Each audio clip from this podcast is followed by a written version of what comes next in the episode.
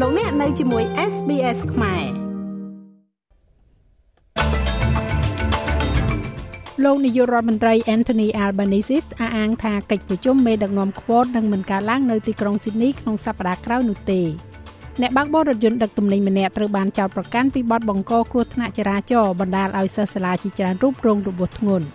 កំណើនប្រាក់ឈ្នួលនៅក្នុងប្រទេសអូស្ត្រាលីបានកើនឡើងដល់3.7%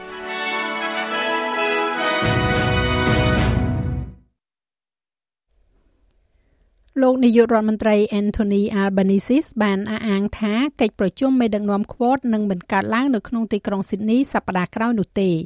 វាកាលឡើងបន្ទាប់ពីលោកប្រធានាធិបតី Biden បានលុបចោលដំណើរទស្សនកិច្ចនាពេលខាងមុខរបស់លោកទៅកាន់កោះ Papua New Guinea និងប្រទេសអូស្ត្រាលីដោយសារតែការចរចាកំពុងតែកើតមានឡើងលើបញ្ហាបំណុលដែលកើនឡើងជាខ្លាំងនៅទីក្រុង Washington ។ មេដឹកនាំនៃប្រទេសអូស្ត្រាលីអាមេរិកជប៉ុននិងឥណ្ឌាក្រុងនឹងជួបប្រជុំគ្នានៅទីក្រុងស៊ីដនីនៅថ្ងៃទី24ខែឧសភាសម្រាប់កិច្ចប្រជុំ Quad ដែលលោក Biden ក៏ត្រូវថ្លែងទៅកាន់សហសភាសហព័ន្ធមួយថ្ងៃមុនដែរលោក Albanese និយាយថាលោកទន្ទឹងរង់ចាំជួបលោកប្រធានាធិបតីនៅក្នុងពេលឆាប់ៗនេះ We though will be having that discussion between Quad leaders យើងនឹងមានការពិភាក្សារវាងមេដឹកនាំ Quad នោះនៅប្រទេសជប៉ុន ខ្ញុំសូមអរគុណលោកនាយករដ្ឋមន្ត្រី Kishida សម្រាប់ការអញ្ជើញរបស់លោកឲ្យខ្ញុំទៅចូលរួមក្នុងកិច្ចប្រជុំ G7 វាសមស្របហើយដែលយើងហៅថា Quad ព្រោះវាជាស្ថាប័នសំខាន់ហើយយើងចង់ឲ្យប្រកាសថាវាកើតឡើងនៅកម្រិតអ្នកដឹកនាំហើយយើងនឹងមានការពិភាក្សានោះនៅចុងសប្តាហ៍នេះលោក Albanese ក៏និយាយទៀតថាលោក Biden ក៏បានអញ្ជើញរូបលោកទៅសហរដ្ឋអាមេរិកសម្រាប់ដំណើរទស្សនកិច្ចផ្លូវរដ្ឋនៅពេលក្រោយក្នុងឆ្នាំនេះផងដែរ ហើយដំណើរទស្សនកិច្ចដែលបានគ្រោងទុករបស់លោកនាយករដ្ឋមន្ត្រីឥណ្ឌា Narendra Modi មកកាន់ទីក្រុងស៊ីដនីនៅសប្តាហ៍ក្រោយនោះទំនងជានឹងបន្តទៅមុខទៀត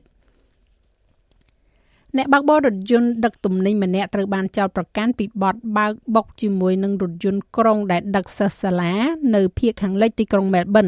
ដែលបណ្ដាលឲ្យកុមារជាច្រើនអ្នករងរបួសយ៉ាងធ្ងន់ធ្ងរ។ កុមារ10នាក់មកពីសាលាបឋមសិក្សា Oxford បានរងរបួសឬក៏របួសធ្ងន់ធ្ងរនៅពេលដែលរថយន្តក្រុងដឹកក្មេងៗ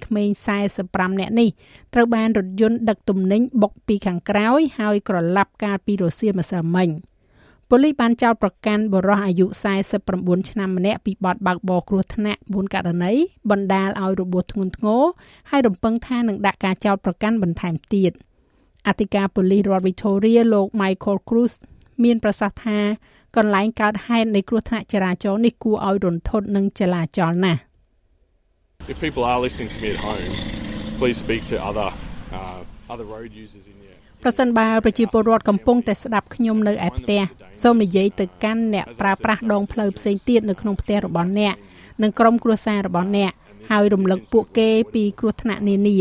របួសខ្លះប៉ះពាល់អស់មួយជីវិតឧបទ្ទវហេតុនេះគឺអាចជៀសវាងបានដូចគ្នានឹងការប៉ះទង្គិចជាច្រើនដែលប៉ូលីសនិងសេវាកម្មសង្គ្រោះបន្ទាន់បានចូលរួមនោះគឺជាសារ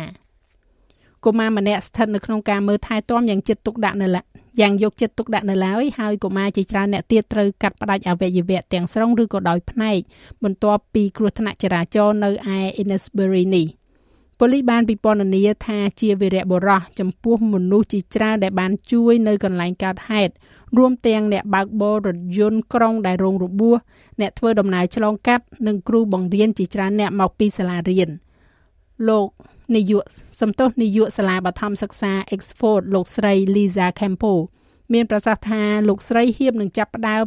ការប្រជុំបុគ្គលិកមួយនៅពេលដែលលោកស្រីបានទទួលដំណឹងអំពីគ្រោះថ្នាក់ចរាចរណ៍នេះហើយគ្រប់គ្នាបានធ្វើដំណើរទៅកាន់កន្លែងកើតហេតុ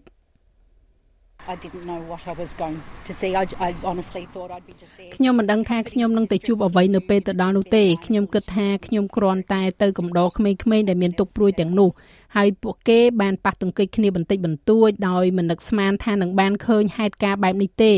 ហើយខ្ញុំសង្ឃឹមថានឹងមិនឃើញវាម្ដងទៀតឡើយ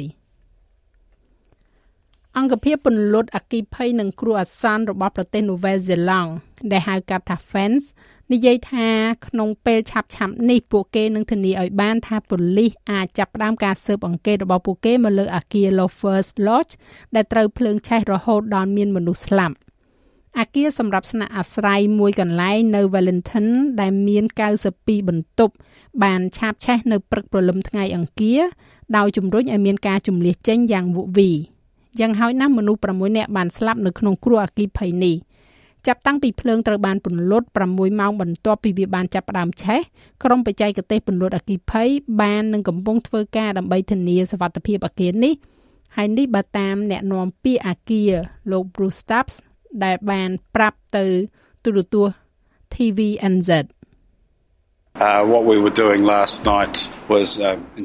អ្វីដែលយើងកំពុងធ្វើការពីយប់មិញគឺធានាថាកន្លែងកើតហេតុមានសុវត្ថិភាពយើងបានធ្វើការងាររចនាសម្ព័ន្ធមួយចំនួនដើម្បីធានាថាពេលយើងប្រគល់ឲ្យប៉ូលីសនៅព្រឹកនេះយើងអាចជួយពួកគេនិងក្រុមស៊ើបអង្កេតអគ្គិភ័យរបស់យើងផ្ទាល់នៅក្នុងការធ្វើការងារជំហានបន្ទាប់នោះគឺការស៊ើបអង្កេតស៊ីជម្រៅបន្ថែមទៀត គេរំពឹងថារដ្ឋមន្ត្រីក្រសួងសុខាភិបាលនៃរដ្ឋ Queensland នឹងត្រូវដកចេញពីក្រសួងនេះនៅក្នុងការរុះរើគណៈរដ្ឋមន្ត្រីដ៏សំខាន់មួយ។រដ្ឋមន្ត្រីក្រសួងសុខាភិបាលលោកស្រី Ivedat បានជួបជាមួយនឹងអភិបាលរដ្ឋគឺលោកស្រី Anastasia Palasai កាលពីថ្ងៃអង្គារហើយមានសេចក្តីរាយការណ៍មកថាលោកស្រីនឹងផ្លាស់ប្តូរមុខតំណែងជាមួយនឹងអគ្គមេធាវី រដ្ឋាភិបាលរដ្ឋនេះកំពុងស្ថិតក្រោមសម្ពាធលើការដោះស្រាយបញ្ហាកាលពីពេលថ្មីៗចំពោះឧក្រិដ្ឋកម្មយុវជន បញ្ហាសុខាភិបាលនិងបញ្ហាលំនៅឋាន។មេដឹកនាំគណៈបក National គឺលោក David Little Prow បានរិះគន់ទង្វើនេះដោយប្រាប់ Sky News ថាទង្វើនេះគ្រាន់តែជាការលេងល្បែងនយោបាយតែប៉ុណ្ណោះ This premier has been there too long she's tired អភិបាលរដ្ឋរូបនេះនៅទីនេះយូរពេកហើយលោកស្រីនៅហត់រដ្ឋាភិបាលរបស់លោកស្រីហត់នៅហើយហើយយើងគ្រាន់តែផ្លាស់ប្ដូរកៅអីសម្រាប់ជាប្រយោជន៍ដល់ការដេញថ្លៃចុងក្រោយដ៏អសង្ឃឹមមួយដើម្បីកាន់តំណែងជារដ្ឋាភិបាល។តួលេខថ្មីបានបង្ហាញថាកំណើនប្រាក់ឈ្នួលបានកើនឡើងពី3.3%ដល់ទៅ3.7%ដែលជាកំណើនខ្ពស់បំផុតក្នុងមួយទសវត្សរ៍ សន្ទុះតម្លៃប្រាក់ឈ្នួល WPI ពីការិយាល័យស្ថិតិបង្ហាញថាកញ្ចប់ប្រាក់បៀវត្សកើនឡើង0.8%ក្នុងត្រីមាសខែមីនានិង3.7%ក្នុងមួយឆ្នាំគិតដល់ខែមីនាតួលេខប្រាក់ឈ្នួលចុងក្រោយបំផុតនេះកើនឡើងស្របពេលដែលគណៈកម្មការយុតិធធការងារ Fair Work Commission ចាប់ផ្ដើមសវនាការលើការសម្រេចចិត្តប្រាក់ឈ្នួលអបបរមានាពេលខាងមុខ រដ្ឋាភិបាលសហព័ន្ធបានប្រកាសផ្តល់ថវិកាចំនួន22លានដុល្លារសម្រាប់កម្មវិធីសាកល្បងចំនួន2ក្នុងគោលបំណងផ្តល់ជំនួយអភិវឌ្ឍដល់ទារកដែលមានសញ្ញាដំបូងនៃជំងឺ Autism ។កម្មវិធីនេះនឹងផ្ដោតជាពិសេសទៅលើការផ្ដល់ការគ្រប់គ្រងដល់ទារកដែលមានអាយុពី9ខែដល់14ខែជាមួយនឹងសញ្ញាដំបូងនៃជំងឺ Autism ពីគ្រួសារផ្សេងផ្សេងគ្នា ការព្រួយបារម្ភអំពីការអភិវឌ្ឍដែលមិនត្រូវបានរកឃើញឲ្យទាន់ពេលវេលាគ្រប់គ្រាន់នោះនឹងត្រូវបានដោះស្រាយហើយអន្តរាគមផ្អែកទៅលើចំណុចខ្លាំងនិងគ្រួសារជាកណ្ដាលនឹងត្រូវបានផ្ដល់ជូនដើម្បីកែលម្អលទ្ធផលសម្រាប់កុមារតូចៗនិងក្រុមគ្រួសាររបស់ពួកគេ។រដ្ឋមន្ត្រីសេវាកម្មសង្គមលោកស្រី Amanda Risvers មានប្រសាសន៍ថាទារករហូតដល់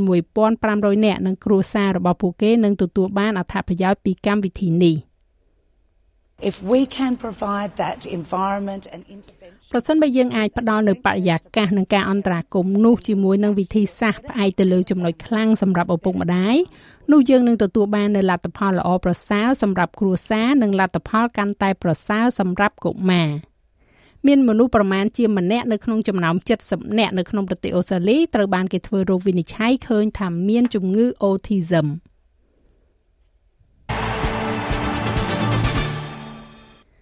ព្រឹត្តិការណ៍កីឡាស៊ីហ្គេមឆ្នាំ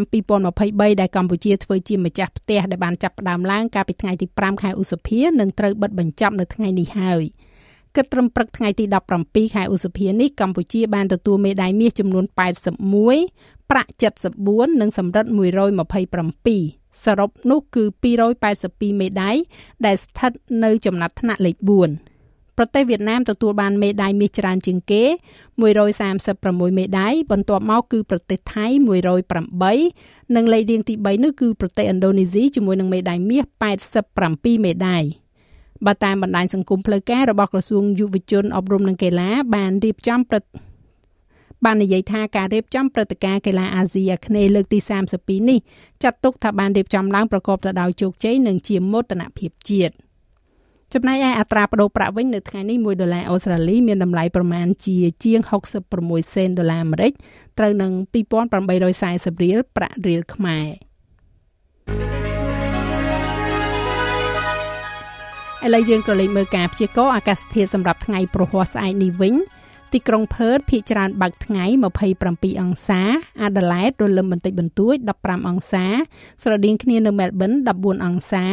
ហូបាតក៏មានរលឹមផងដែរ14អង្សា Canberra នៅពេលព្រឹកត្រជាក់ខ្លាំងហើយនឹងមានពពកដោយពេល14អង្សា Sydney រលឹម18អង្សាភាគច្រើនបើកថ្ងៃនៅ Brisbane 22អង្សា មានពពកដោយពេលនៅ Cairns 28អង្សា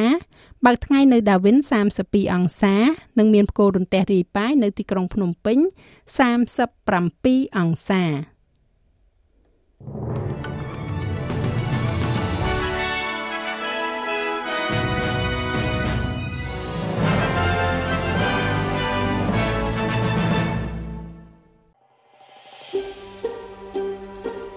ចង់ស្ដាប់រឿងក្រៅបែបនេះបន្ថែមទៀតទេ